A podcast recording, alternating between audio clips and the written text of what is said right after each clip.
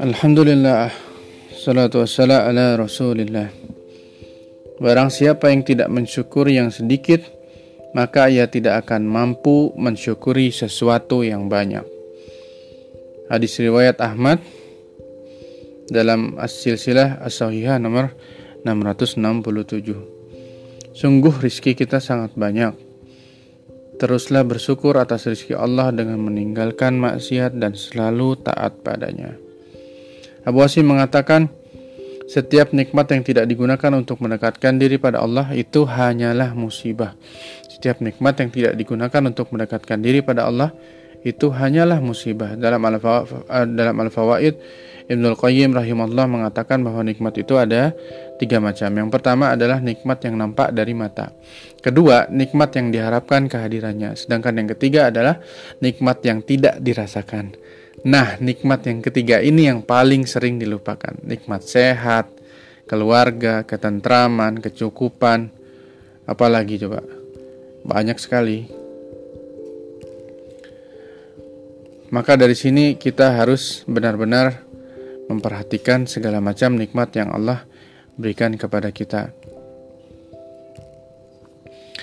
Kelapangan harta itu adalah rizki dari Allah akan menjadi baik jika kita adil dalam mengelolanya. Maka kelapangan harta, harta tidak akan menjadi baik jika kita tidak memiliki kelapangan hati.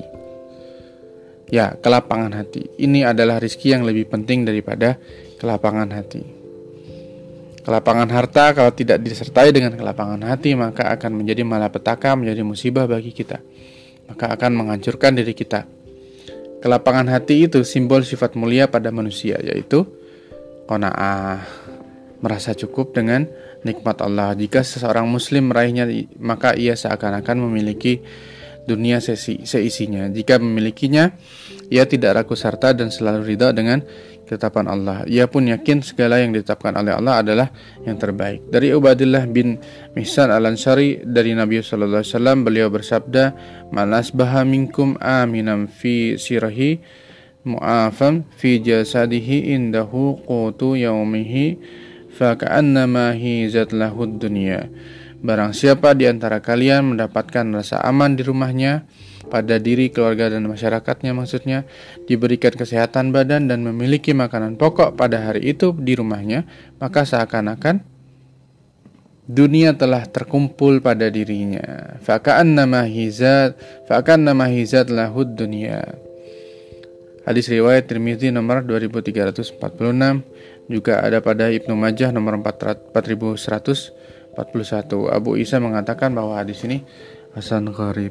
Maka penting bagi kita untuk memperhatikan dan selalu mensyukuri atas segala nikmat, kemudian memanagenya dengan sabar, dengan taat sehingga tidak menjadikan rezeki-rezeki yang Allah datangkan kepada kita menjadi uh, sebagai malapetaka atau bahkan musibah bagi kita justru bisa menjadikan kita kita bisa mengkonvertnya menjadi uh, sebuah wasilah untuk membawa keberuntungan kepada kita di akhirat nanti. Hada wallahu ala bisawab subhanakallahumma wa bihamdika asyhadu an la ilaha illa anta astaghfiruka wa atubu ilaik. Assalamualaikum warahmatullahi wabarakatuh.